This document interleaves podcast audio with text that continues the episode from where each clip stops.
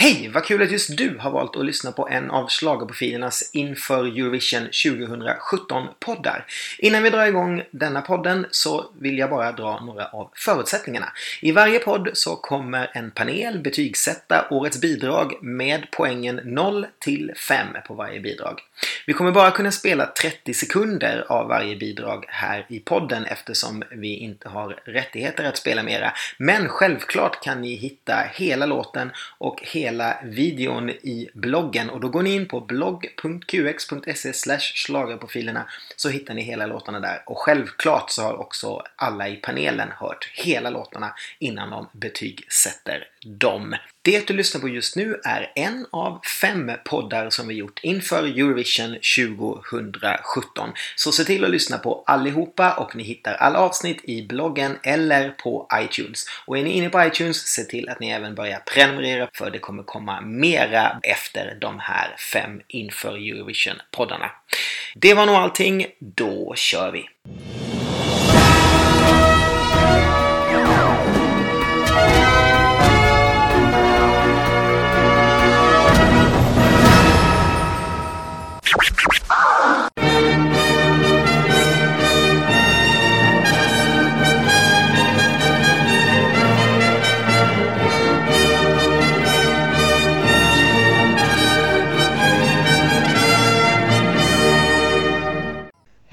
Allihopa och välkomna till den femte och sista delen i Schlagerprofilernas podcastserie inför Eurovision 2017.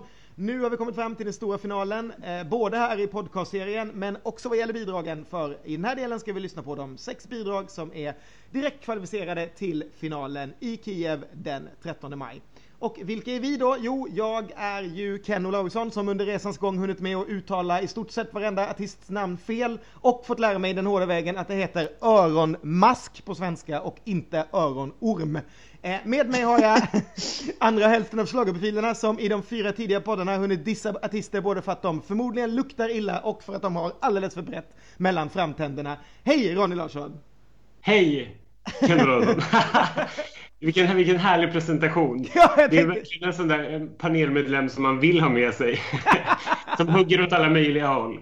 Men det är jag, det är Ronny Larsson, rakt ut i fingerspetsarna. Ja, ja, det är bättre det. Du är, du är snart direktkvalificerad för SVTs införprogram. Du kan dissa på alla möjliga anledningar utom just musiken.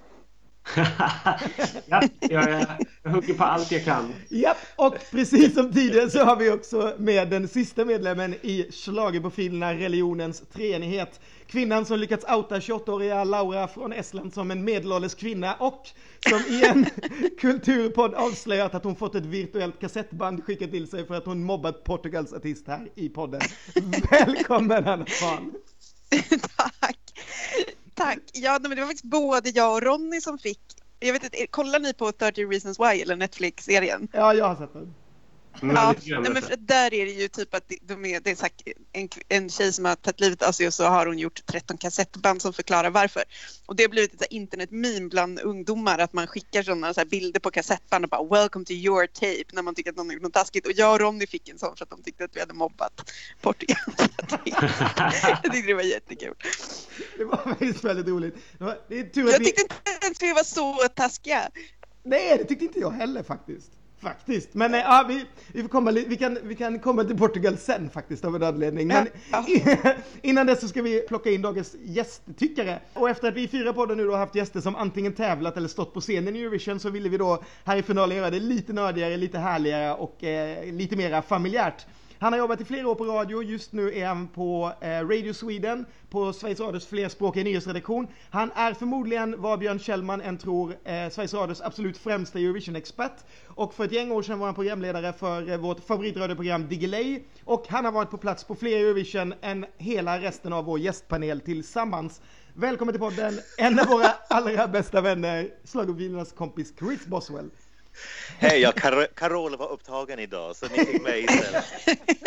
Hej Chris! Hej, hej. Kan ni, kan ni vara snabba för det är rep som pågår. Jag vill, jag vill se vad som händer nu. Skynda er nu va. Island och sånt. Nu är vi långt inne i Eurovision-veckan snart och vi, eh, en sak som förenar oss allihopa är ju att innan den här, när vi spelar in där innan veckan är över så kommer vi allihopa vara i Kiev faktiskt. Och vi är redan i träsket. Vi är redan där psykologiskt och mentalt liksom. Ja, nej men jag är ju, som är så flygrädd, jag är ju fortfarande så här så att jag inte kan äta riktigt för att jag mår illa. Det är så här, Ukrainian Airlines, alltså allvarligt. Tänk sug på den en stund. Ingenting, ingenting kan hända. Timotej har fortfarande inte vunnit Melodifestivalen. Jag kommer inte dö. Du kommer dö av en hjärtinfarkt efter de här fyra nyanser av istermåltiderna vi kommer att få äta i Kiev. Alltså, jag vet inte om jag har berättat det här i podden innan, jag tror att jag har berättat det för alla, men just det där att jag var ju i Ukraina för ett år sedan och de äter alltså bara fett där. Rent fett är verkligen liksom grejen. Jag vet inte vad grejen med rent fett är, om det är något så här det, det liksom visar att man hade råd att äta tjocka djur eller jag vet inte, men det är ju liksom verkligen fyra nyanser av fett som är deras liksom matkultur. Mycket, mycket märkligt. Ja, nej, men det längtar man ju efter. Det Ja. Ja, det och vodka. Ja, nej, men innan, innan vi drar igång och lyssnar på de här eh, sex sista bidragen och eh, tycker och tänker om dem så tänkte jag att vi skulle dra upp vilka, om vi det här hade varit eh, den riktiga finalen så hade vi ju haft 20 låtar som vi röstat in från semifinalerna. Och jag tänkte lista dem som vår eh, jury eh, röstat in. Så att om vi börjar först då, och jag tänker ta dem i ordning, alltså den som fick mest poäng överst och så går jag neråt, eh, de tio översta. Och om vi börjar då med semifinal 1 så hade vi först Island, Sverige, Belgien, Australien, Armenien, Finland, Montenegro, Lettland, Azerbajdzjan och Cypern. Eh, ja, kommentarer på det? Ja, nej, jag är nöjd. Det var helt rimligt. Jag tycker också att det var helt Faktiskt. rimligt. Det var en jättebra, jättebra uppställning tycker jag. Ja, det tycker jag också. Vad sa vi, var Lettland med? Nej, Jo, Lettland var med. De Lettland kom- klarade sig. Ja. Jajamän. Ja. Mm. Och Portugal klarade sig inte. Portugal klarade sig inte. Portugal kom på plats 11 kan jag berätta. Så att det är bara var beredda för nästa kassettband kan jag säga. nej men där har ni fel. Den kommer ju gå till final och den kommer att gå bra. Alltså ni kommer att sitta där på finalnatten och bara va, va, va?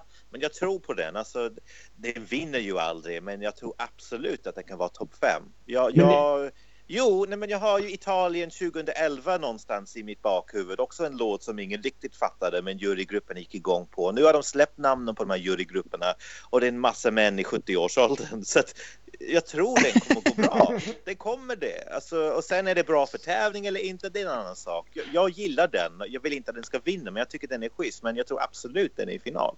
Men det tror jag också. Det måste, jag, det måste jag bara tillägga. Det tror jag också. Men nu, vår uppgift var ju att betygsätta de här på eget Ja. tycke och smak. Ja, så är det. Och därför hamnade den utanför för mig. Men det, det tror jag också. Den kommer säkert funka bra.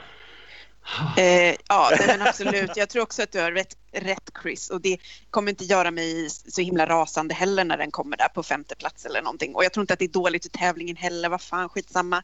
Den är väl, det är väl kul, det är väl kul att han håller på. En sak som jag, Jag i, en sak som jag läste i veckan om stackars, vad heter han, ehm, Salvador. Salvador var ju att han var lite ledsen att folk tyckte att han hade så slappa kläder i, i den portugisiska finalen, vilket ju berodde på att han hade två stycken navelbrock som gjorde att han inte kunde ha tajta kläder på sig. Ja, det är en dålig ursäkt. Man kan, man kan alltid ha tejbart på sig. En Men annan, det jag inte förstår är att liksom Australien-vurm, den, den tycker jag är tråkig. Så det tycker jag också sådär, alltså för att citera Ronny, liksom musik för ingen, den tycker jag är så himla beige. Så den fattar inte jag, den kom så högt hos er, men eh, ja, ja. Den tycker jag är bra. Den tycker jag är härlig. Den förtjänar absolut att komma topp 10 för mig. Ja, jag tycker att den är lite, alltså jag känner att den inte når upp till Australiens eh, underbara låt från förra året, men eh, den är väl helt, den är helt okej och habil och bra radio, radiopop sådär tycker jag. En intressant och lite så här nördig grej är att om man tittar på eh, hur vi röstade så hade vi sex stycken bidrag från första halvan, alltså i första podden och fyra från andra. Och nu i eh, semi 2 som jag snart kommer att prata om så hade vi också sex bidrag från första halvan och fyra från andra. Och det har faktiskt aldrig hänt, för om man kollar tillbaka sen semifinalerna började så har det aldrig varit så att det har kommit flest låtar från första halvan någonsin, utan eh, fem stycken är liksom max av tio som, som har kommit och då, då är det många av dem då som närmar sig liksom mitten, att man ibland, om, om det till exempel är 19 bidrag så vet man inte om man ska sätta låt 10 till första eller andra halvan och så vidare. Um, så att den gången som det faktiskt har gått vidare flest från första halvan, det är 2008 och då var ju en av låtarna Charlotte Perrelli som egentligen inte kom eh, bland de tio främsta utan som kom 12 men blev inplockad av juryn. Så att ehm, om det skulle hända att det är sex bidrag från första halvan så är det unheard of och speciellt då i båda så skulle det verkligen vara någonting eh, statistiskt inte hänt tidigare i eh, Eurovisions historia faktiskt. Men kan man analysera det här på något sätt? Tror ni att det beror på att det verkligen är så mycket sämre att starta tidigt i tävlingen eller beror, på, beror det på hur, eh, hur man har satt startordningen? Att de som gör det ofta sätter en bästa låtarna sist eller vad tror ni? Nej, men man lottar ju egentligen första och andra halvan så det, det, de måste ju liksom ändå rymmas där inom. De är ju lottade liksom. Ja. Så. Och sen, jag tror att det är snarare så här att visst, det finns ju alltid ett kluster av låtar som kommer gå vidare. Alltså det finns ju liksom en ja, men i olika, olika, olika år då. Eh, men de vet man. Alltså jag, jag, skulle ju säga att Sverige i år är liksom en sån låt som kommer att gå vidare även om den går ut först eller om den hade gått ut sist. Men sen finns det ju såklart de här som kommer på plats 8, 9, 10 och där kanske det är så att mm. det är troligare att de halkar vidare om man går ut näst sist eller sådär för de får lite extra publikröster än vad man får om man ligger som låt två liksom. Kanske. Mm. Rimlig analys tror jag. Ja, Ja, då ska vi kasta oss vidare där med andra semifinalen i ordning också och då hade vi eh, först Makedonien, Ungern, Estland, Irland, Serbien, Rumänien, Bulgarien, Danmark, Schweiz och Norge. Vad är Malta? Var är Malta? In, ingen Malta och ingen Israel heller eftersom eh, Fredrik Kempe gav ett halvt poäng till Israel bara, gjorde att den kom ett halvt poäng efter Norge. Ja, det tycker jag kanske är lite orättvist. Israel är inte min eh, stor favorit, verkligen inte, men den tror jag kommer till final och tycker jag också förtjänar att komma till final. Ja, men här ja där var ni lite taskiga ja. Ja men här känner jag verkligen så här, Norge-Schweiz, det är ju verkligen den där typen av låtar som halkar med, alltså som man lika gärna skulle kunna ha utanför som innanför. Det kommer ju vara likadant on the day tror jag alltså.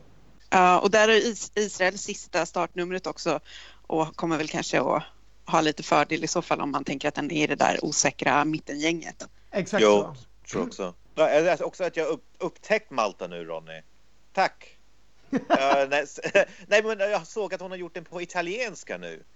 Och, och där tycker jag att den får liksom helt annan känsla i den. Hon har så här riktigt så här raspig italiensk röst. Så den tipsar jag. Gå in på Youtube och kolla. Det, det är, den är en schysst version tycker jag.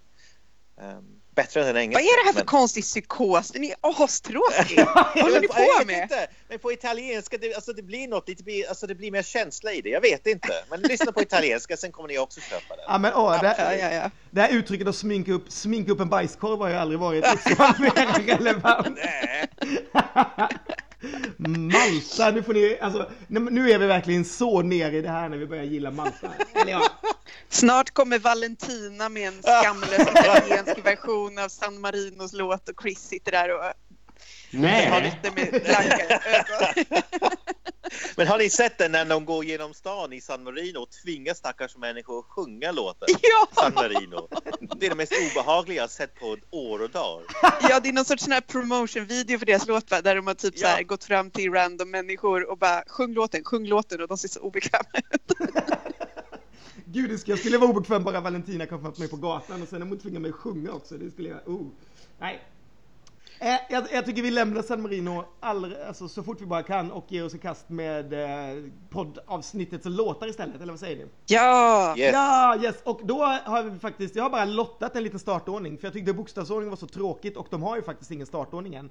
Så att eh, vi kör bara på och det gör faktiskt att vi börjar med att åka till Ukraina redan nu. Vi startar nämligen där. Ukraina tävlar ju för 14 gången i Eurovision i år. Sedan debuten 2003 så har landet lyckats vinna två gånger, knipa en silverplats två gånger och tagit hem ett brons. Alla gånger med kvinnor på scen, eller ja, verkar Sedutska få mer ses som ett väsen kanske.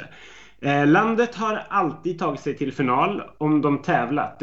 Eh, men 2015 så avstod de ju för att eh, det var lite oroligt i landet så att det blev inget vin. Men de kom ju tillbaka med dunder och brak förra året och vann hela ballongen Eh, sist landet representerade sina färger på hemmaplan så fick de faktiskt sin sämsta placering någonsin. Frågan är om det går så mycket bättre i år. Ja, vem vet? De eh, väljer ju sin eh, artist också i en liten motsvarighet till vår melodifestival med tre semifinaler och en eh, final. De har en jury där faktiskt Verka sitter med för andra året minst och också Ronnys favorit Jamala satt med där i den där juryn i år. Startfältet annars, jag måste ändå få nämna att Vitali Koslovski var med. Han var ju faktiskt 2010 så fick han sjunga alla låtar hemma i Ukraina, fem stycken. Man röstade, man valde fram ett bidrag. Men sen när man väl hade valt det då tyckte man att nja, det här höll inte riktigt så då stoppade de in det här bidraget de redan röstat fram som vinnare tillsammans med nio andra bidrag och hade en ny tävling och så var det någon annan som vann istället. Så Jag tycker det är lite synd om honom. Nu fick inte han vinna den här gången heller utan istället så vann gruppen O Torvald. En grupp som bildades i Poltava 2005 flyttade sen till Kiev och eh, eh, delade ett hus tillsammans och då tog musikkarriären fart på riktigt. Debutalbumet kom 2008, de har släppt fyra album och diverse EPs efter det och två av originalmedlemmarna från 2005 är fortfarande med i bandet, bland annat då frontfiguren och sångaren Jehen Halic. Time är bandets första låt på engelska och den låter så här.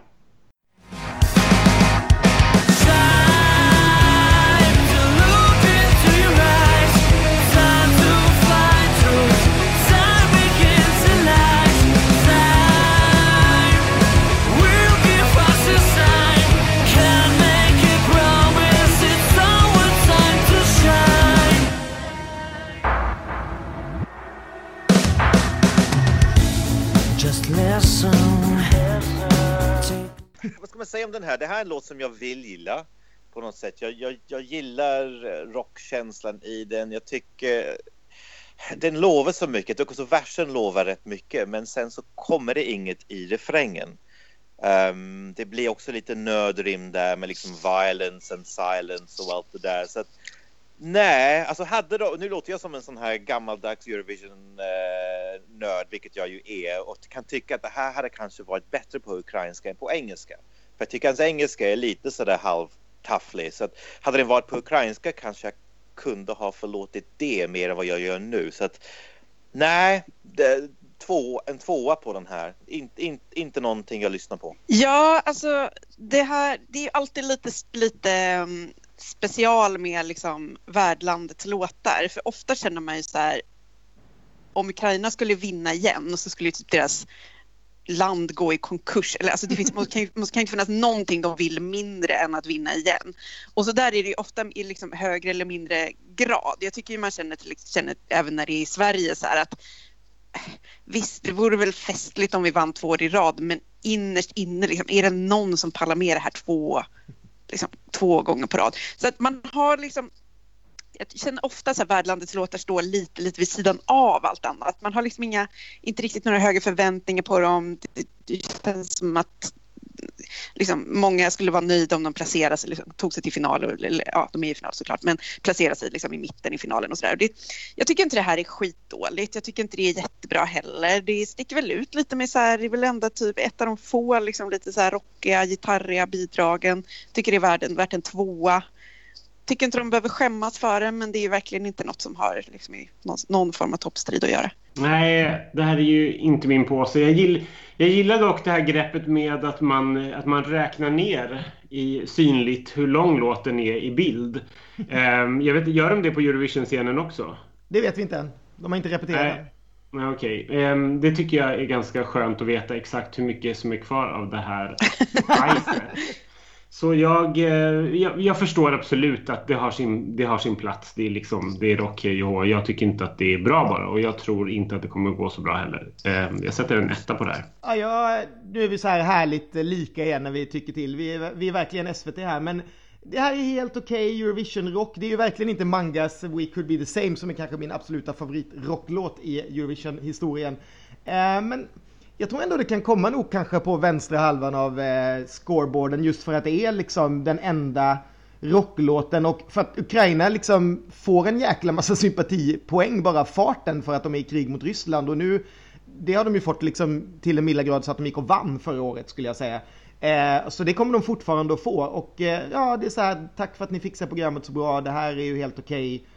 Så att eh, ja de kommer komma där men för mig får de också bara en tvåa en typisk tvåa. Det liksom luktar tvåa lång, lång väg om det här. Och det känns i alla fall att den speglar stämningen i landet. Nu har vi inte varit där ännu, men det känns ju som att finns det något land som den här låten kunde komma ifrån i år så ändå Ukraina liksom. Men det är i alla fall scenshowen som vi såg i deras final så att den känns. Den känns ju äkta på något sätt tycker jag i alla fall. Det känns ju schysst på det sättet, men ja, den kommer ju inte få så många poäng. Maltas är äkta, det här är inte äkta. Malta speglar också deras, deras land på ett fantastiskt sätt. Då ska vi faktiskt förflytta oss till Frankrike istället och se om vi är lika överens där. Frankrike har ju vunnit Eurovision fem gånger, men det var väldigt länge sedan sist. Det är faktiskt 40 år sedan Marie Myriam vann med L'Enson d'Enfant om jag har min franska rätt. Eh, för, för, efter ett starkt 60 och 70-tal så börjar landet tappa mark och bara två silverplatser från 90 och 91 är det bästa som landet skrapat ihop de senaste decennierna. 2012 kom man in i ett riktigt, riktigt bottenstim som kröntes två år senare med Hanna-favoriten Mustache som blev jumbo. Och man sig i botten av tabellen med platser som började med siffran 2. Men i fjol slog man sig äntligen in på topp 10 med Amirs Je som slutade sexa. Japp, och eh, man fortsätter lite på Amir-spåret för att låtskrivaren till årets bidrag är nämligen exakt samma person som skrev Amirs bidrag i fjol. Man valde ut sin artist internt. Kravet var att artisten skulle vara mellan 16 och 50 år och att man kunde franska. Man fick komma från vilket land som helst, men man var tvungen att sjunga på franska eftersom 80% av låten var tvungen att vara just på franska. Artisten man valde, hon heter Alma. Hon är 28 år gammal, alltså medelålders enligt Hanna Fahl. Hon är en äldsta av tre systrar. Vid sidan av sången spelade hon piano och började skriva låtar medan hon var ute och reste som ung. Efter att ha avslutat en civilekonomexamen så bestämde hon sig för att ägna sig åt musiken och flyttade till Paris. I den franska huvudstaden träffade hon alltså låtskrivaren Nassim som då skrev Amirs låt förra året. Eh, Nassim har dessutom skrivit de flesta låtarna till Almas debutalbum som kommer släppas och hon släppte faktiskt en ny singel nu bara för någon dag sedan. Så hon har redan hunnit klämma ut ännu en låt efter sin Eurovision-låt. Hon pratar fyra olika språk flytande efter att ha flyttat runt i världen och precis innan hon går på scen så brukar hon randomly hitta någon att krama eftersom hon känner att hon behöver lite extra kärlek innan hon sjunger. Här är Alma och låten heter Requiem. Ce qu'il a donné, will you take me to paradise? With you nothing ever dies? You take my smile and make it bright. Before the night the light. I won't go below silver skies. The only dark is in your eyes. Oh, promis, on survit quand même. C'est la beauté du requiem. Les étincelles deviennent des flammes. Les petites filles deviennent des femmes. Ce que tu crois être l'amour, c'est un brasier et rien först vill jag säga att jag aldrig varit så stolt som, över eh, att vara svensk som eh, under eh, Twin Twin-året när Sverige var de enda som gav poäng till dem. Visst var det så? Visst var Sverige de enda som gav poäng? De enda tittarna i alla fall tror jag. Eh, eh, heja Sverige! Jag tycker att Frankrike har haft, men de har ju haft liksom några goda år här ändå, det får man ju säga. Och förra årets låt var ju underbar. Eh, jag tänker inte våga uttala den titeln. Eh, men eh, den var ljuvlig, jag tyckte jättemycket om den. Det här borde liksom vara en låt som jag älskade känner jag. Den, hon är supercool, Alma, och låten är egentligen, den är, den är rätt bra, men jag fattar inte vad det är med den som gör att den inte har fastnat ordentligt. Jag tror att den är lite, jag tror att melodin är lite för liksom hopp deppig och konstig och den fäster liksom inte på mig. Jag har velat supermycket här mellan om det är en trea eller en svag fyra. Och jag tror väl kanske ändå att jag sätter en liksom lite tveksamt svag fyra på den. Men jag, det är något som fattas fattas här. Alltså, jag, den, jag, den gör inte riktigt för mig ändå, men okej, fyra. Jag har också tvekat faktiskt mellan en fyra och en femma kan jag väl säga direkt. Jag tycker att det här är en jäkligt bra låt. Jag är lite sur för det här dåliga självförtroendet de hade, att de ändrade den eh, hundraprocentigt franska texten och tryckte in lite engelska nu. Alltså fransmännen tvingar liksom Eurovision-programledarna att prata franska, men de kan inte själva stå för att prata franska, utan de tycker att det behövs lite engelska. Det är, det är så fruktansvärt Eurovision det här med tvåspråkiga låtar och det är ju inte den enda som vi ska lyssna på idag som, som använder det greppet. Dessutom så proddade man ju om originalet och gjorde, gjorde det lite mera Eurovision-artat eh, från vad det lät först. Eh, så jag hade lite svårt där för jag gillade den originalversionen ganska mycket men den har kommit på slutet. Alltså jag har tagit till mig den här igen nu. Det här är absolut en av mina favoriter i år. Jag får lite så här årets Zoe-känsla av det här. Alltså hon är en glad och sprallig tjej som verkar rätt härlig när man ser henne live. Um, och jag tycker låten är rätt skön. Jag ger den en svag femma, men ändå en femma. Det är verkligen en av mina favoriter i år. Ja, jag tycker också att det här är bra. Men, men till skillnad från dig så tycker jag att, att låten blev mycket bättre och lättillgängligare när den, när den fick eh, det här, de här engelska raderna. Då, tyck, då tog jag till det med den mycket lättare, annars var inte jag så imponerad. Så jag, jag tycker att den är bra. Men jag är lite på Hannas spår där, att det är någonting som är så här, ja det är ju bra liksom. Men jag, jag, jag har inte plockat upp den på någon lista själv och spelar den liksom privat. Eh, och då saknar den ju någonting. Eh, jag hoppas att det går bättre än vad det har gjort åren innan Amir kom in i leken. För att de förtjänar ju att placera sig bra. För det här känns ju som en modern poplåten då Och framförallt upptempo. Heja upptempo. Alltid heja upptempo. Så jag ger det här en svag fyra. Ja, alltså för några år sedan så upptäckte jag en sångerska som heter Indila som hade några riktigt bra stora hitlåtar i Frankrike. En som heter Dernier Dans och det här är mycket i den genren liksom. Jag tycker också förhandsvideon är supersnygg med, med Paris i kulisserna och jag gissar att det där kommer också synas i, i Kiev. Jag kan tänka mig att finns det något snyggare att ha liksom Tour Eiffel och allt det där i bakgrunden på, på skärmarna. Men här är jag lite med, med, med Ken i, i hela omproduktionen och, och omgörningen med språket. Jag, ty, jag tyckte den var bättre först. Och, och framförallt så fattar inte jag, liksom, de, det var ingen tävling, hon valdes internt men ändå så släpper de en låt och sen en månad senare gör de om den. Varför inte bara göra allt det här innan i början så att man inte hinner vänja sig vid den första versionen och sen göra en special Eurovision version. Så att jag gillar det här väldigt mycket i början men den har verkligen liksom tappat något för mig. Eh, så jag ger den en trea, en stark trea men nej, jag tror inte de blir topp 10 igen. Det var spännande. Alla gillar den men på lite olika eh, sätt. Det var lite härligt. Eh, ja, men då ska vi flyga ifrån Frankrike, men inte så långt, för vi ska hamna i Tyskland, Ronny.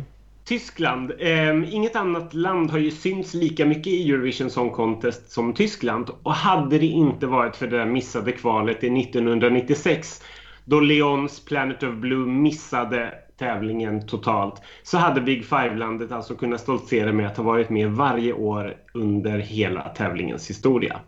Tyskarna som är eh, en av de mest generösa EBU-betalarna var ju inte glada för den här missen 96 och det var väl lite grann, det var väl födseln till att konceptet Big Five snart var fött.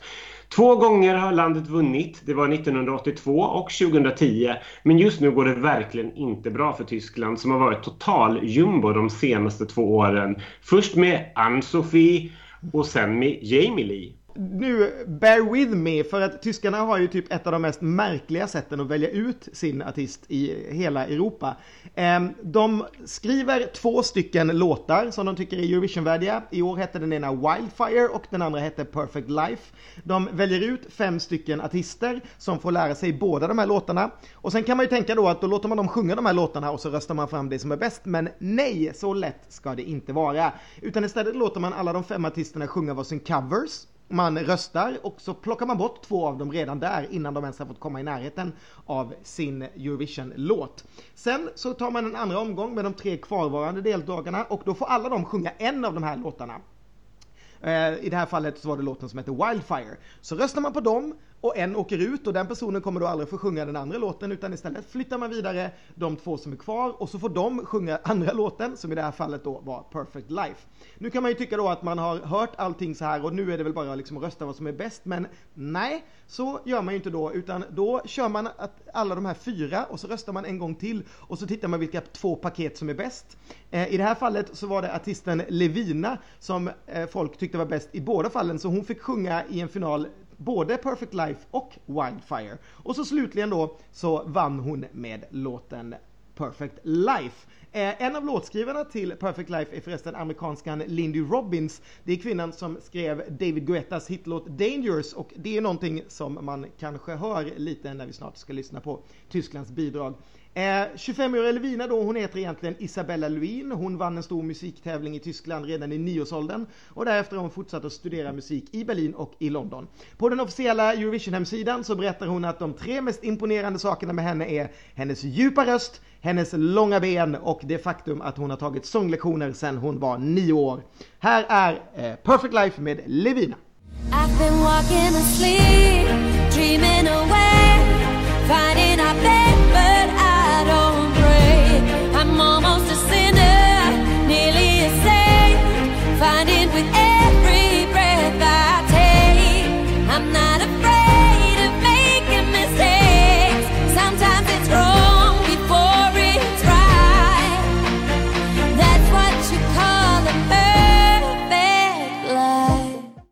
när alltid när den här börjar så känner jag så här, men det här är ju bra ju. Det här, det här har man ju hört förut och det har man ju eh, rätt tydligt med Guetta-grejen där och så. Men, men, men det, det, känns liksom bekant. Men sen, bara, sen sen blir det som det ofta blir med musik nu för tiden tycker jag. Det bara pågår. Det händer ingenting, det bara pågår. Det är bara en låt som bara, som bara rullar på. Det är så här, ja det är fint, det är helt okej, okay, det, är, det är väl modernt och så.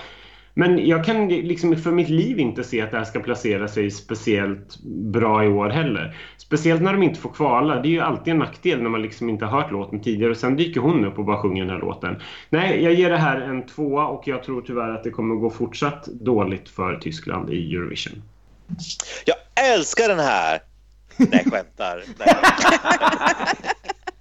Nej, jag fick så här panikångest när du pratade om tyska finalen för jag kommer ihåg den där och liksom bara skamkänslan som tog över hela kroppen när man kollade på den här tävlingen. Så fruktansvärt dålig med massa rätt ofärdiga artister som sjunger ett gäng rätt ofärdiga låtar. Det var, det var inte kul. Men jag måste ändå säga det här var ändå bästa artisten och bästa låten. Så jag tyckte de valde rätt. Problemet är bara att ja, varken av dem är särskilt bra.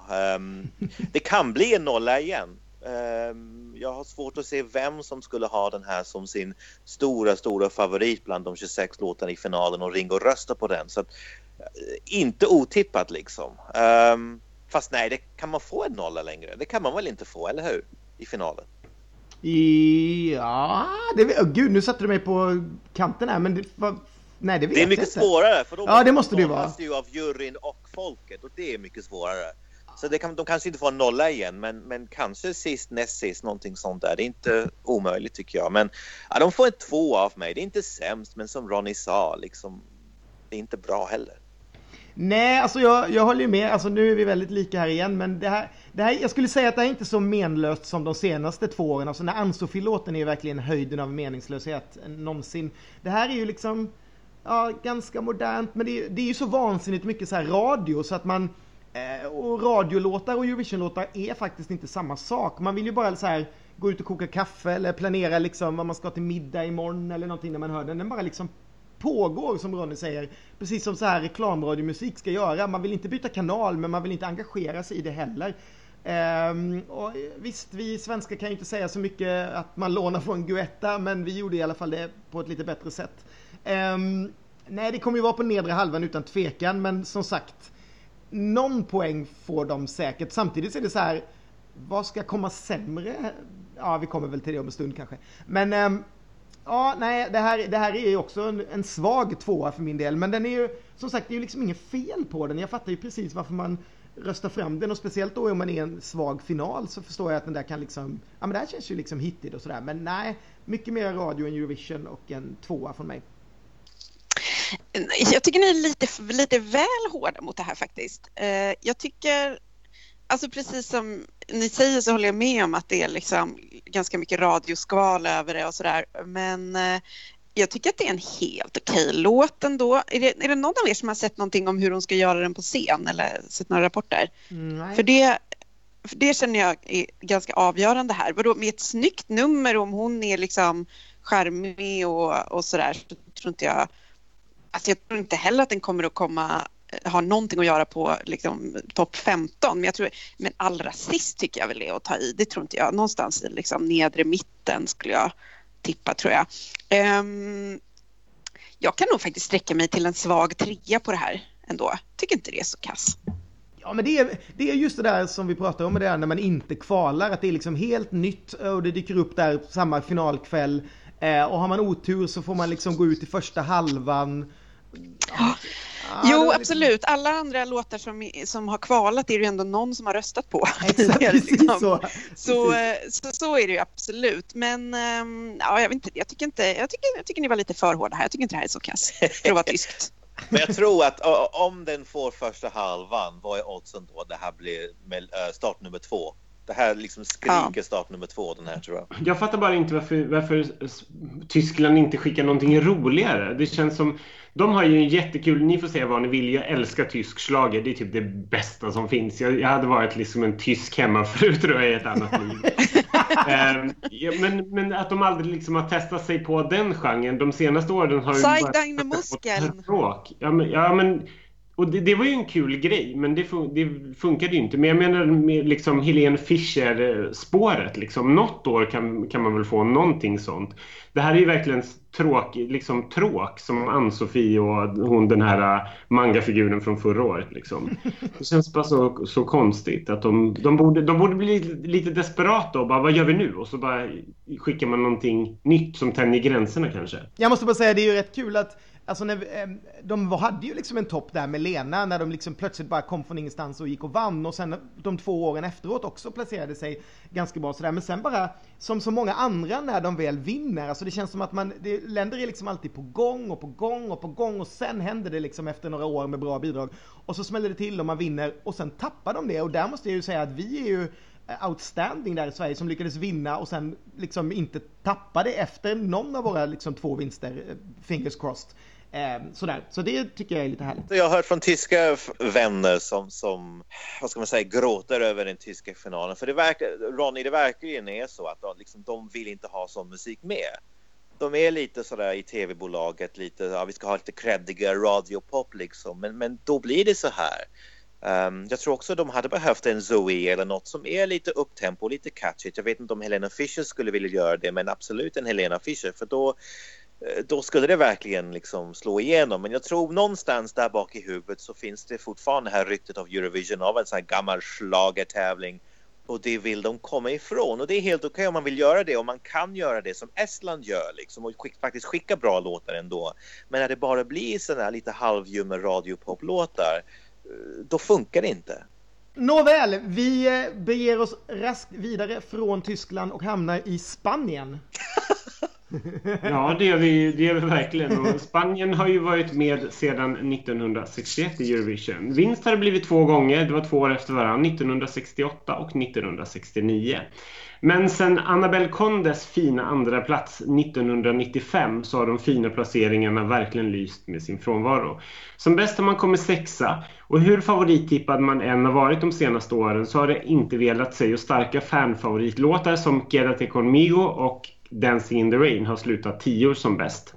De två senaste åren har det blivit plats 21 och plats 22 och nu hoppas vi väl inte på en plats 23, eller?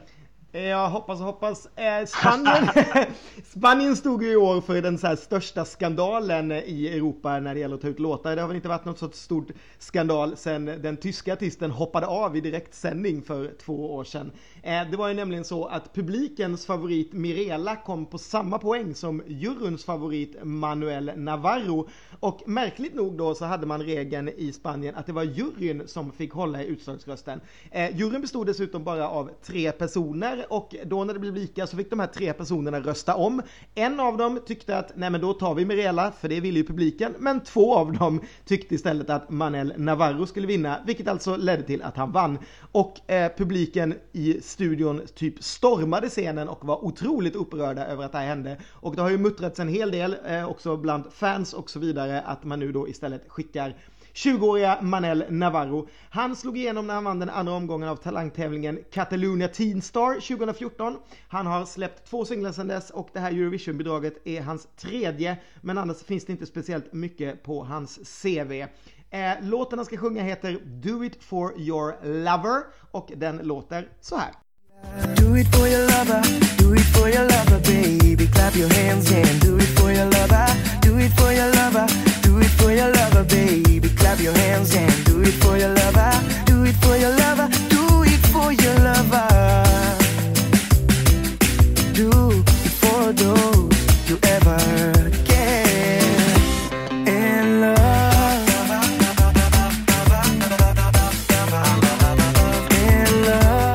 vad ska man säga om det här? Det här måste väl kanske vara årets typ tjatigaste låt. Jag vet att när vi pratade om Österrike så hade vi en lång utläggning, handlar ju om det här med kille med gitarr i hatt och så vidare. Det här är ju verkligen årets kille med hatt liksom.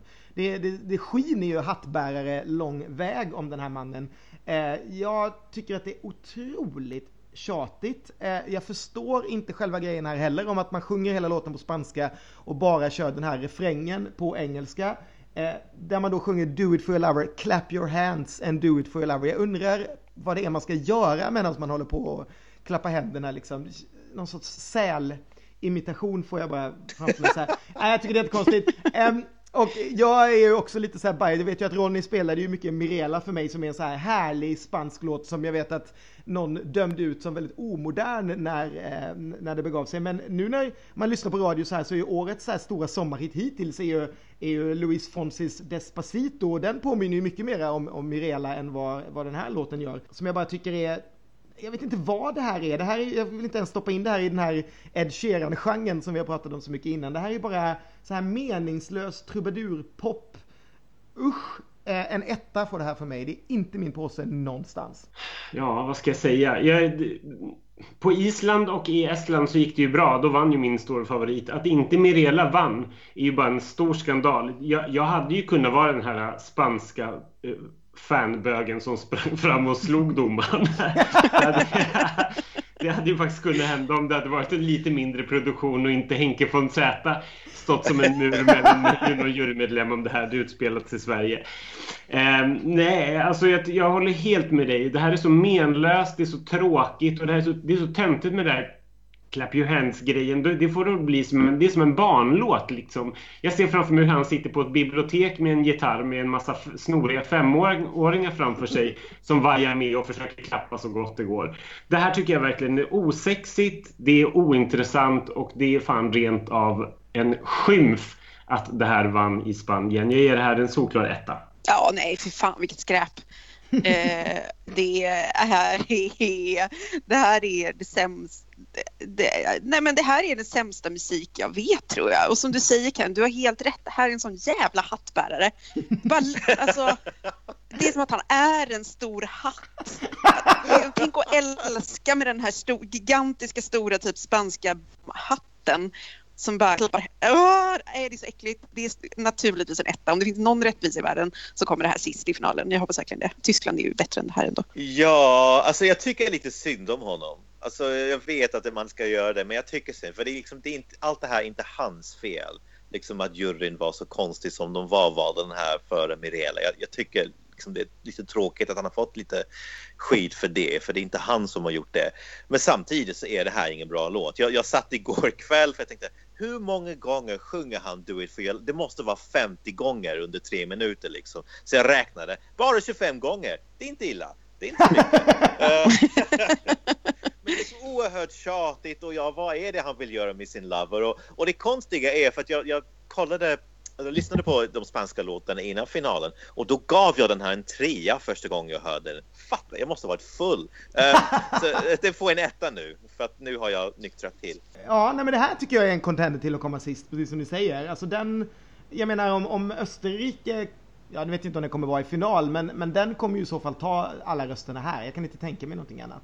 Så att, eh, men det här verkar vara Robin Bengtssons nya kompis i alla fall. De verkar umgås, han och eh, spanjoren. Det är alltid något. Mysigt. Mysigt för dem. Ja, nej men eh, vi lämnar Spanien snabbt och flyger till Storbritannien innan de hinner lämna oss. Varför ska de lämna oss? Men, det var en Brexit-referens.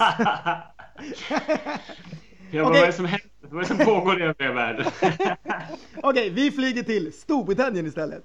Japp, eh, Storbritannien eh, debuterade i den andra Eurovision Song Contest någonsin 1957 och tillhör eh, sedan dess de mest framgångsrika i tävlingen. Fem vinster har det blivit och tillsammans med Sverige är Storbritannien det enda landet som vunnit fyra olika årtionden. Fram till 1999 så hade man bara hamnat utanför topp 10 två gånger, 78 och 87. Men 99 blev det en tredje gång med, Precious, med min favorit Precious, Say It Again. 2003 så kom landets första sista placering med Geminis Crybaby och sedan dess har landet bara tagit en topp 10 placering på hela 14 år.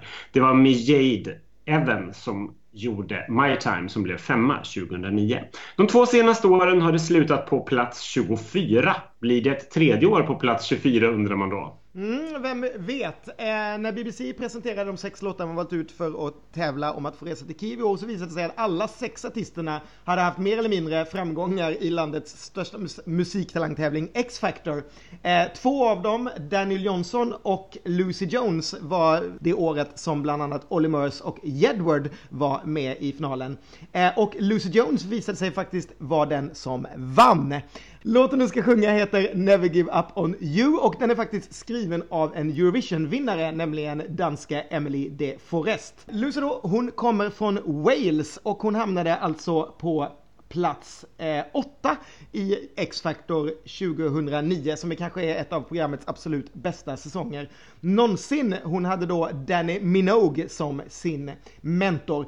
Efter X-Factor så har Lucy haft en hyfsad karriär faktiskt. Hon har varit musikalsångerska i West End där hon just nu arbetar i musikalen Rent. Och för två sommar sedan så kunde vi svenskar se henne i Morden i Midsummer där hon faktiskt var med i ett avsnitt som heter The Ballad of Midsummer County om någon vill leta upp det någonstans på nätet. Eh, här ska hon inte skådespela, här ska hon sjunga. Här är låten Never Give Up On You, Lucy Jones och Storbritannien. I will never give up on you I don't care what I've got to lose Just give me your hand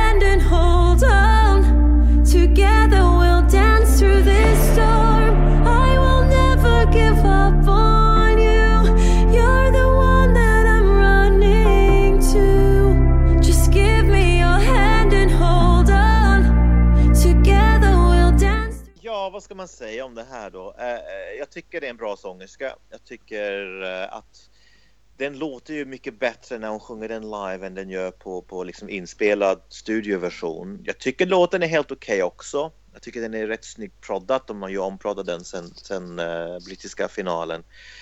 Um, och här är alltid så att liksom resten av Europa förväntar sig mer av Storbritannien. Man liksom, vad fan skickar de det här? Varför skickar de inte Adele eller Coldplay eller något? Och, och jag känner alltid bara, ja men det är bättre den här än Andy, Ab äh, Andy Abraham liksom. För det, det, det är på den nivån vi är liksom. Ingen vill ställa upp i Storbritannien, ingen vill tävla. Det här är ett sätt att döda ens karriär och vara med i, Eurovi vara med i Eurovision. Um, det är liksom till och med när man kollar tillbaks i tiden, Lulu, Sandy Shaw, de fick typ aldrig någon hit efter att de vann Eurovision. Liksom, det dödade deras karriärer. Så är jag liksom väldigt realistisk så fattar jag liksom, ingen vill vara med. Uh, och nu för tiden så kommer man inte ens tvåa längre utan man kommer 22 och, och då är karriären verkligen slut. Så jag tycker med de förutsättningar vi har i Storbritannien så är det här ändå en bra låt. Jag, jag skäms inte som jag gjorde med den här fruktansvärda låten i Wien till exempel eller året i fjol i Stockholm som också tyckte var rätt tråkig. Så det här får faktiskt en fyra av mig. Jag, jag tror, hoppas Oj. att den... Ja, nej, men jag gillar den. Jag tycker den, liksom, den har något som jag gillar, ett av de bättre balladerna i år. Um, så att jag, jag, jag hoppas på topp 15. Um, ehm, för det skulle verkligen landet behöva. För att jag, jag är lite rädd liksom att ja, men blir det inte bättre snart så blir det också en Brexit från, från Eurovision. Det, det, om, liksom, om det här är det bästa man kan få fram och de försöker, de försöker och det här är det bästa och man kommer liksom 23, 24, vad är då poängen med att liksom, vara med? Ja, jag tycker också att det, Lucy har ju faktiskt en av de bästa rösterna i år. Jag såg henne hos Graham Norton nu senast, vilket, vilket jag, alltså jag tänkte när jag stod och såg henne att det här måste ju vara första gången som de flesta människor i Storbritannien ens hör den här låten när hon är hos Graham. För jag kan inte tänka mig att det är jättemycket människor som tittar på på uttagningen. Och hon sjunger ju verkligen skiten ur den här låten. Hon är ju en jätteduktig sångerska och det brukar ju oftast liksom betala sig i Eurovision. Men samtidigt tycker jag att den här har lite samma sak som i Tyskland. Om Storbritannien skulle bli lottade till första halvan finns det ju en viss risk att de också kanske hamnar på start nummer två eller liknande och mm. då, då kommer de ju få det svårt. Men eh, jag tycker också att det här är nog den bästa tjejballaden i år för de stora andra balladerna är ju, är ju killar som sjunger. Eh, och jag gillar Lucy, jag gillade henne jättemycket när jag eh, såg X-Factor det året. Så jag tycker att den här låten, den är, den är värd ett bättre öde än vad jag tror att den kommer få i tävlingen. Eh, jag kommer väl inte att ge den en fyra, men en stark trea får den i alla fall av mig. Och jag tycker också att det här är absolut ingenting som Storbritannien bör skämmas för. Så ja, en, en trea från min del. Ja, man, känner, man blir så frustrerad av liksom hela Storbritanniens eh, hur, de, hur de hanterar Eurovision. Och det känns ju som att de har försökt ändå de senaste åren lite så här men, göra om uttagningssystemet och försöka liksom, väcka lite större intresse för Eurovision och liksom, göra det mindre töntigt i Storbritannien. Men det känns så halvhjärtat alltihop. De skulle ju verkligen behöva göra någon så här drastisk bara supersatsning. Att bara, nej men nu bestämmer vi att vi, det här är vårt nya stora tv-program. Nu gör vi ett Melodifestivalen och bara kör. Uh, jag tror att det skulle krävas någon så här satsning för att, få, för att liksom förändra attityden och få fram något riktigt bra. Eh, med det sagt, jo, men visst, som ni säger, hon sjunger ju skitbra. Det ser man ju på alla liksom, liveklippen där hon gör den här och det är väl en helt rimlig låt. Eh, jag tror inte de kommer komma sist i år i alla fall. Eh, svag trea. Det är så roligt hur man liksom ändrar så här kriterierna för olika länder. Storbritannien är bara, nej jag tror inte de kommer komma sist i år. Man bara, nej vad bra. Ja.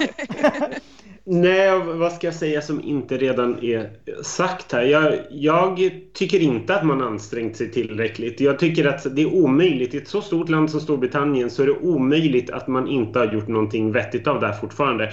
Det spelar ingen roll hur illa, liksom, hur illa ansett det är. Vi, vi är inte ute liksom Liksom efter de stora artisterna. Vi är ute efter bra musik. Och efter att ha sett, ha sett uttagningen i år så är jag bara så här, men Nej, men ni anstränger inte.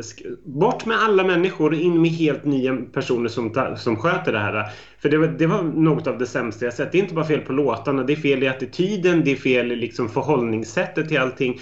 Det är fel i uttagningsmodellen. Jag tycker allting är fel. Um, och med det sagt så så tycker jag heller inte att det här är en så kul låt. Och jag vill backa tillbaka, det här är inte den bästa balladen i år. Den bästa balladen har Malta i år. Och det är inte bara manliga artister som sjunger ballader utan det är även kvinnliga, för det är Malta Jag tycker att det här är helt okej. Okay. Jag tycker att hon är bra, men det blir bara en tvåa och jag tror att det kommer gå riktigt dåligt för Storbritannien även i år. Men en sak jag måste fråga dig Christoph, men är det inte lite, jag får lite känslan av att BBC liksom inte vill vinna egentligen, för det är klart att de kunde liksom rotat fram om de liksom hade haft den här att de kände för att få det, utan det verkar som att de trivs rätt bra med att, att folk ska liksom sitta och tycka att nej, alla avskyr Storbritannien ute i Europa och, men folk, och folk tittar ju ändå, det är ju jättemycket tittare på Eurovision och sådär. Och de, mm. Jag får liksom den känslan att de vill inte, utan det går lika bra att lägga det någonstans här, att det är liksom den här reaktionen man vill åt? Eller? Ja, alltså jag fattar inte riktigt hur de tänker. Jag tror, alltså jag tror egentligen de som gör det, de vill vinna. De vill att det ska gå bra liksom. Men sen så är det också, alltså, de här avdelningarna som gör det, det är de som gör typ Strictly Come Dancing. Eller typ Let's Dance. Det är liksom den avdelningen. Det är verkligen så underhållnings-tvs avdelningen som kanske inte är världens experter på, på musik. Um, och, och, jag tror, alltså det som jag blev mest besviken över och det var en hel livstid av besvikelse med de brittiska bidragen. Men det var liksom att året efter Blue, att man inte liksom alltså för de, det gick bra för dem. Om man, om man tänker på liksom telefonomröstningen, de kom ju femma då. Det var att de sjöng så fruktansvärt dåligt på juryrepen och straffade så ofantligt mycket av juryn att då gick det dåligt. Men liksom, hade man haft någon annan året därpå och istället så skickar de Engelbert Humperdinck. Det är där för mig det stora problemet är. Liksom. För då kunde man fått igång kanske någonting. Tänk om Steps hade kunnat gjort sin liksom comeback då. Eller inte vet jag, men liksom de, de, de satsar på Engelbert Humperdinck och sen året därpå Bonnie Tyler. Och för mig, det är där det brast. Liksom. Det är där man känner att de fattar inte vad det här är för en tävling. De tror för att Engelbert Humperdinck har uppträtt i Lettland någon gång, då kommer man att få en tolva från Lettland. Liksom. It doesn't work like that. Så det är där min stora frustration kommer ifrån, att de har haft chanserna liksom och, och, och så sabbar de det. Och det är det som jag tycker är tråkigt liksom. Och även liksom, okej, okay, skit i en nationell uttagning, gör något själv liksom, men, men våga lite. Och då menar jag inte Electro Velvet. Jag menar, våga på riktigt. Gör som Estland gör.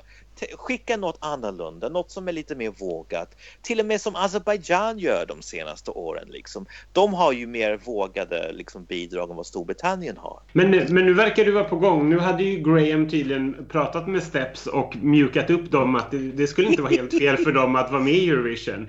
Det låter ju helt underbart tycker jag. Steps 2018, det måste, det måste, måste. Och det, och det är det som jag tycker är, för man hör ju från vissa artister att jo men jag skulle kunna tänka mig ställa upp men där tror jag det är snarare liksom management och skivbolag som sätter stopp för det. Och det är det som är tråkigt. Jag tror vi hade haft liksom Hertz, vi hade kanske till och med haft liksom Sophie Ellis Bextor, Steps, sådana artister som kanske tycker det är roligt med Eurovision. Men sen är det alltid någon någonstans, för det, det, alltid, det går alltid sådana rykten men det är alltid någon någonstans som säger stopp. Och jag tror inte det är BBC. Jag tror inte det är BBC som säger nej Steps, tyvärr, vi kan inte ha er. Utan det är snarare någon annan i kedjan som stoppar det. Ja, men då lämnar vi Storbritannien och flyger till årets absolut sista bidrag och land. Och det är inte vilket land som helst, det är Italien. Det är Italien. Eh, landet var ett av de sju som tävlade första gången i Lugano i Schweiz när Eurovision Song Contest föddes. Sedan dess har man vunnit två gånger, det var 64 och 1990. Genom åren har man avstått ett par gånger av olika anledningar men den stora breaken från sista deltagandet 1997 till återkomsten 2011 är det största avbrottet. 2011 återkom man alltså med stor glans och kom tvåa och sedan följde två till topp 10 placeringar de kommande åren innan Emma blev 21 med La Mia Sita. För två år sedan höll det på att bli vinst igen då tv-tittarna gav sin högsta poäng till Il Volos Grande Amore. Men jurygrupperna ville annorlunda. De placerade Il Volo sexa och Sveriges Måns fick då istället en magisk vinarnatt. Men i år, då... Då skickar Italien 34-åriga Francesco Gabbani Eh, han vann alltså San Remo-festivalen i år. Eh, San Remo-festivalen är ju musiktävlingen som en gång var förebild för Eurovision, eh, men som fortfarande är långt, långt mycket större i Italien än vad Eurovision är. Francesco vann faktiskt ehm, San Remo-festivalen redan i fjol. Då var det sektionen för nya artister med en låt som hette Amen. En låt som faktiskt hamnade topp 20 i Italien då, men den här låten som han vann med i år har gått långt bättre än så. Låten, om det är någon som har missat den, heter alltså, och det här har jag bävat för i fem poddavsnitt, Occidentalis Karma och den låter så här. c'è butten finlandiana per tutti un'ora d'aria di gloria.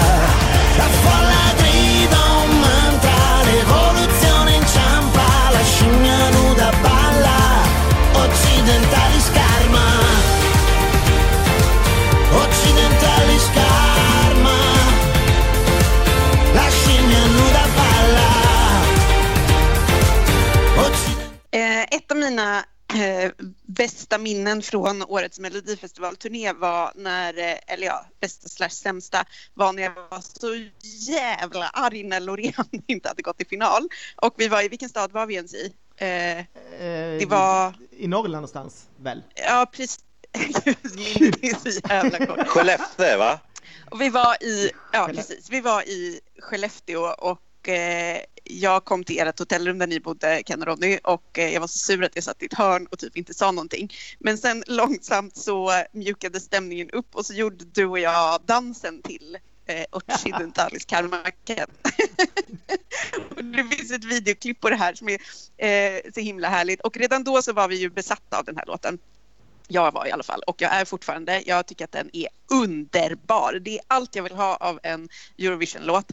Eh, och eh, jag tycker det är, alltså allting, det känns liksom som att alla så här eh, stjärnorna står rätt för eh, Francesco Gabbani. Låten är liksom kul och eh, han sjunger på originalspråk och eh, den är samtidigt liksom, det är inte en så här dum och tom låt utan den har lite ambitioner i sin låttext och det finns en dans, det finns en gimmick och det känns bara som, det vore så skönt om den här vann i år. Jag tror att vi, vi alla liksom skulle, alla skulle vara så lättade om den vann tror jag efter den här hyperpolitiska Ukraina-segern med den här trip låten Man vill ha en glad hit och man vill ha en gorilladansare på scenen och man vill ha, alltså den är så perfekt. Jag kan liksom inte, ord kan inte beskriva hur gärna jag vill att den här ska vinna och det kommer väl, alltså det är chock om det inte händer för att den är så pass stor favorit. Men fem av fem, starka fem av fem. Ja, jag vill ju också att den här väldigt gärna ska vinna för, av exakt samma anledningar som Hanna. Eh, tävlingen måste ju tillbaka och liksom producera hits. Det kan ju inte liksom bli en politisk plattform där det bara ska vara tråklåtar som vinner som inte, bli, som inte blir någonting efter det. Eh, efter tävlingen liksom har slutat.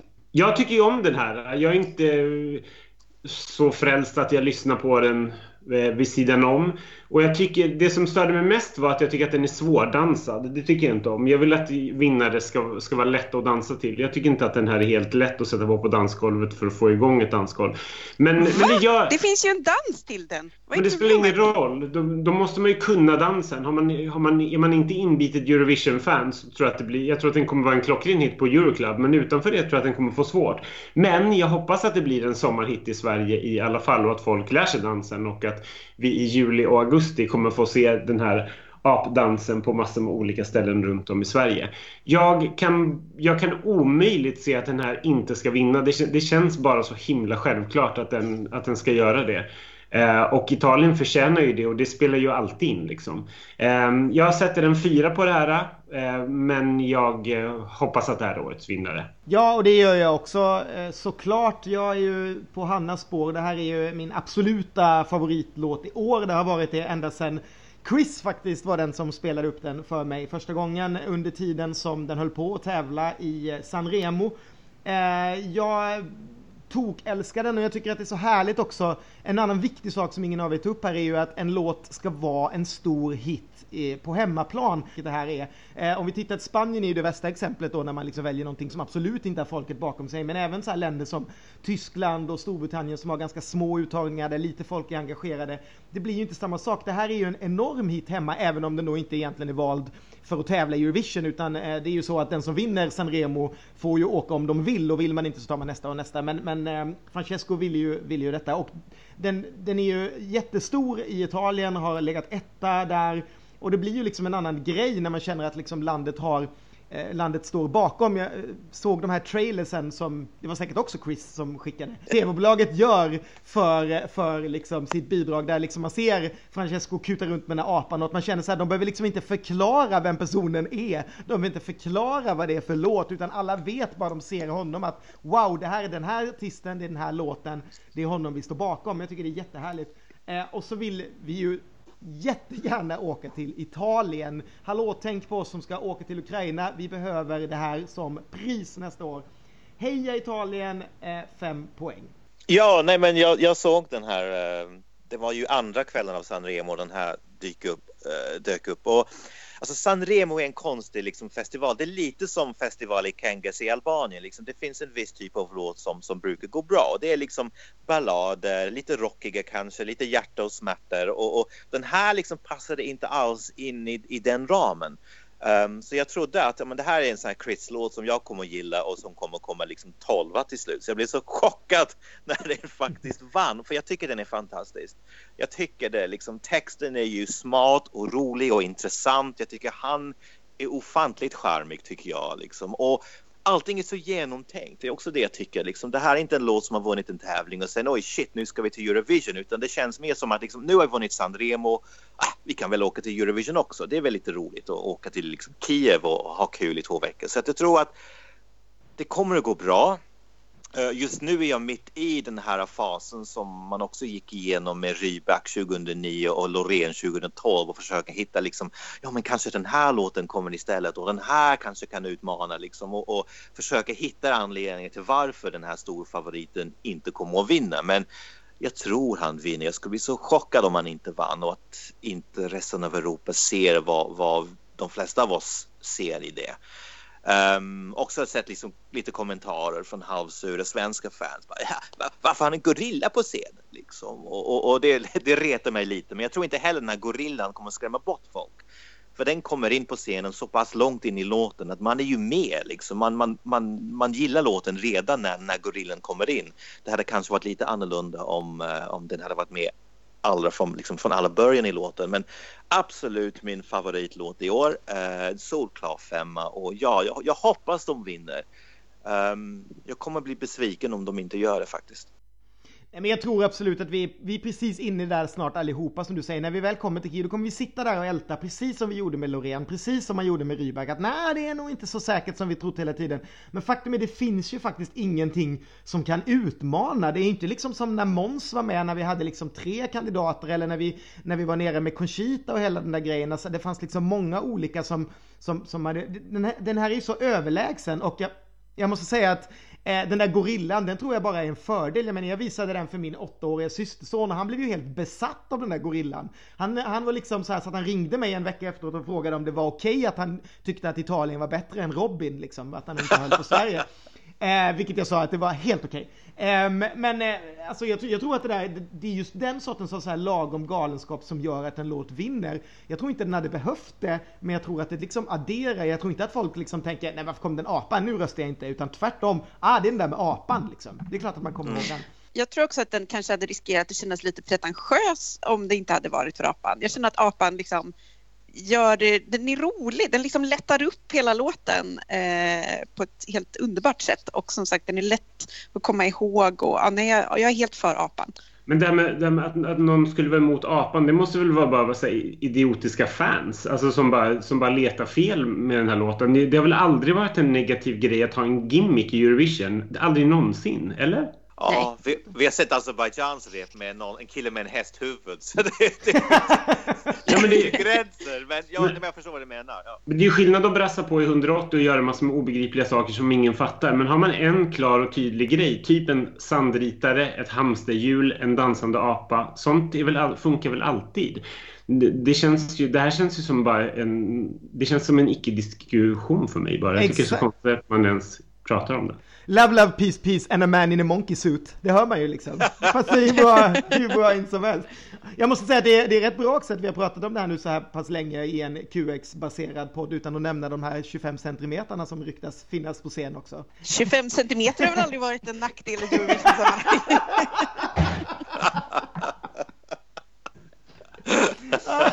Jag kommer komma till eh, till vinnarpresskonferensen med en gigantisk 25 cm salami som jag ska be honom signera.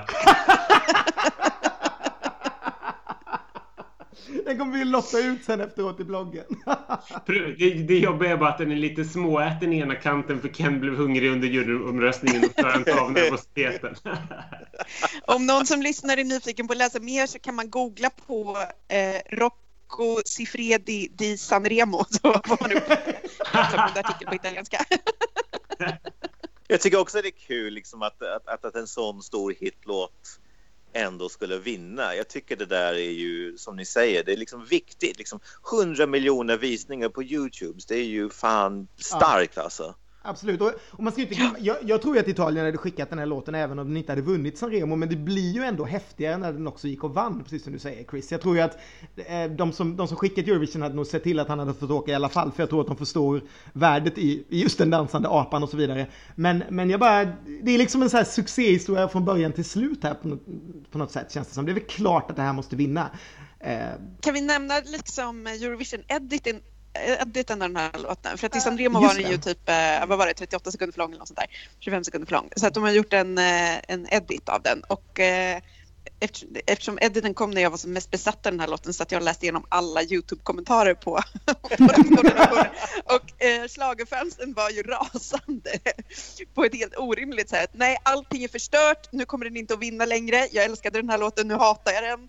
Eh, alltså det måste ha varit den största överreaktionen i Eurovision-historien. Jag tycker att den är helt okej. Det tycker jag också alltså, numera faktiskt. När jag, när jag, jag, var också, jag var en av dem, även om jag inte skrev någonting på YouTube, så var jag lite så här. Men det jag gillade med den var att man faktiskt kapade bort en vers och behöll hela slutet. För att man, det är såklart att man vill ha in apan. Det gick ju inte att kapa där om man nu ville fortsätta ha liksom uppträdandet. Och jag tycker inte låten tappar, den är rätt härlig fortfarande för att den, den liksom fokuserar ju på refrängen och det är själva grejen med låten. Så att jag tycker ja. att den är rätt härlig fortfarande också. Men, men där är jag en sån fan, för jag, jag har faktiskt inte ens laddat ner Eurovision-versionen till min telefon. Jag lyssnar bara på den liksom fullängdsversionen, så det kommer bli en chock när jag står där i Kiev och bara Vad fan, vad är vi nu i låten? Det är ett chock. Liksom. jag, har lyssnat, jag har lyssnat på editen eftersom jag vill lära mig texten till uh, Euroclub.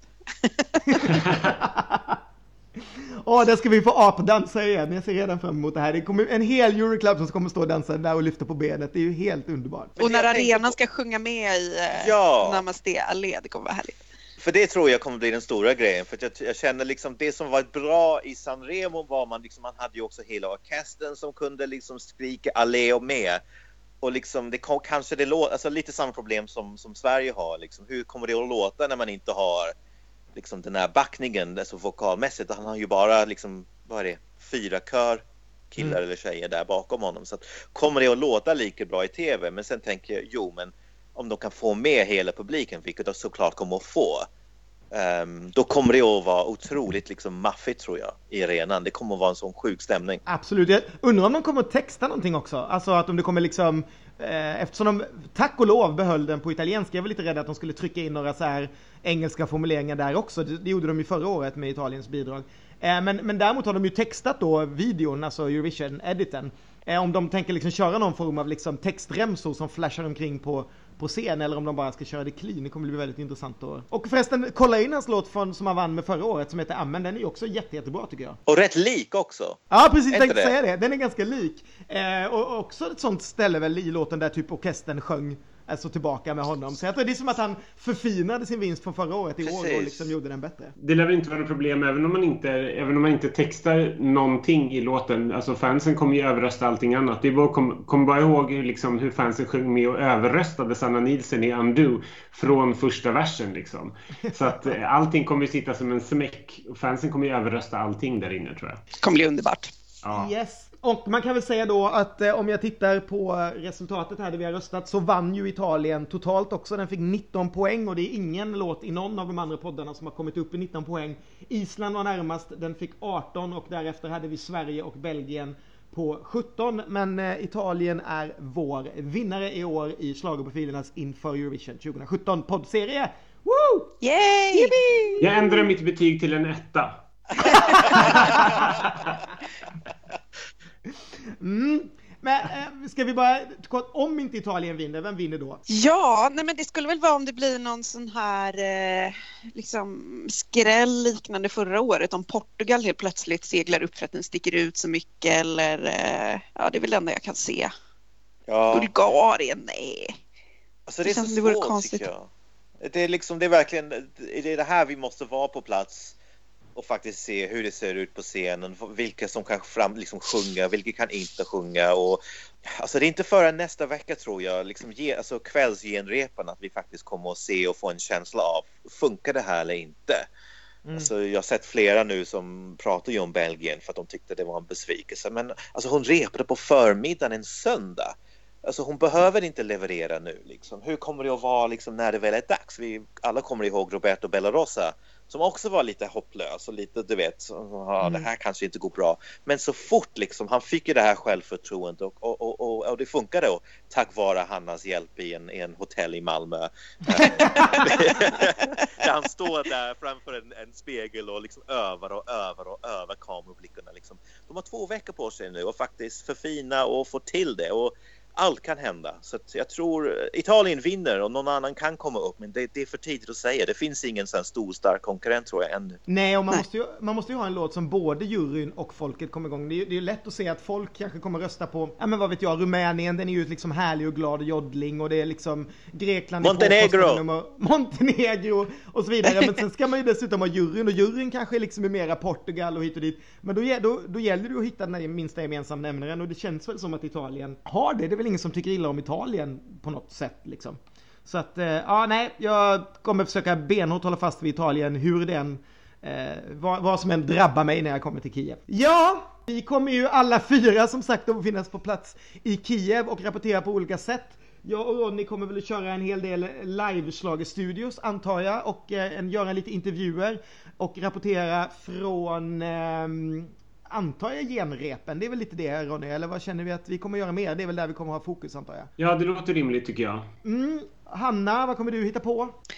Ja, jag kommer ju att eh, ha min blogg på dn.se och så kommer jag att skriva för DN också. Eh, håller just nu på att försöka boka in en intervju med eh, Francesco Gabani så det hoppas jag blir av.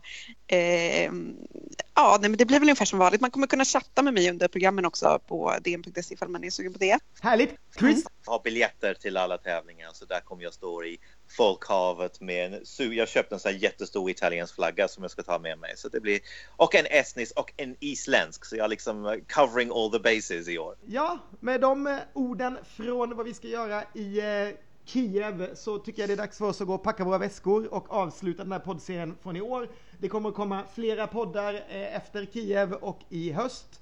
Annars så hoppas jag att ni får en hel fantastisk Eurovision, både ni i min kära panel och ni som lyssnar. Ha en fantastisk Eurovision-period. Vi hörs och ses. Puss och kram, hejdå! Hejdå! Hej! Hej!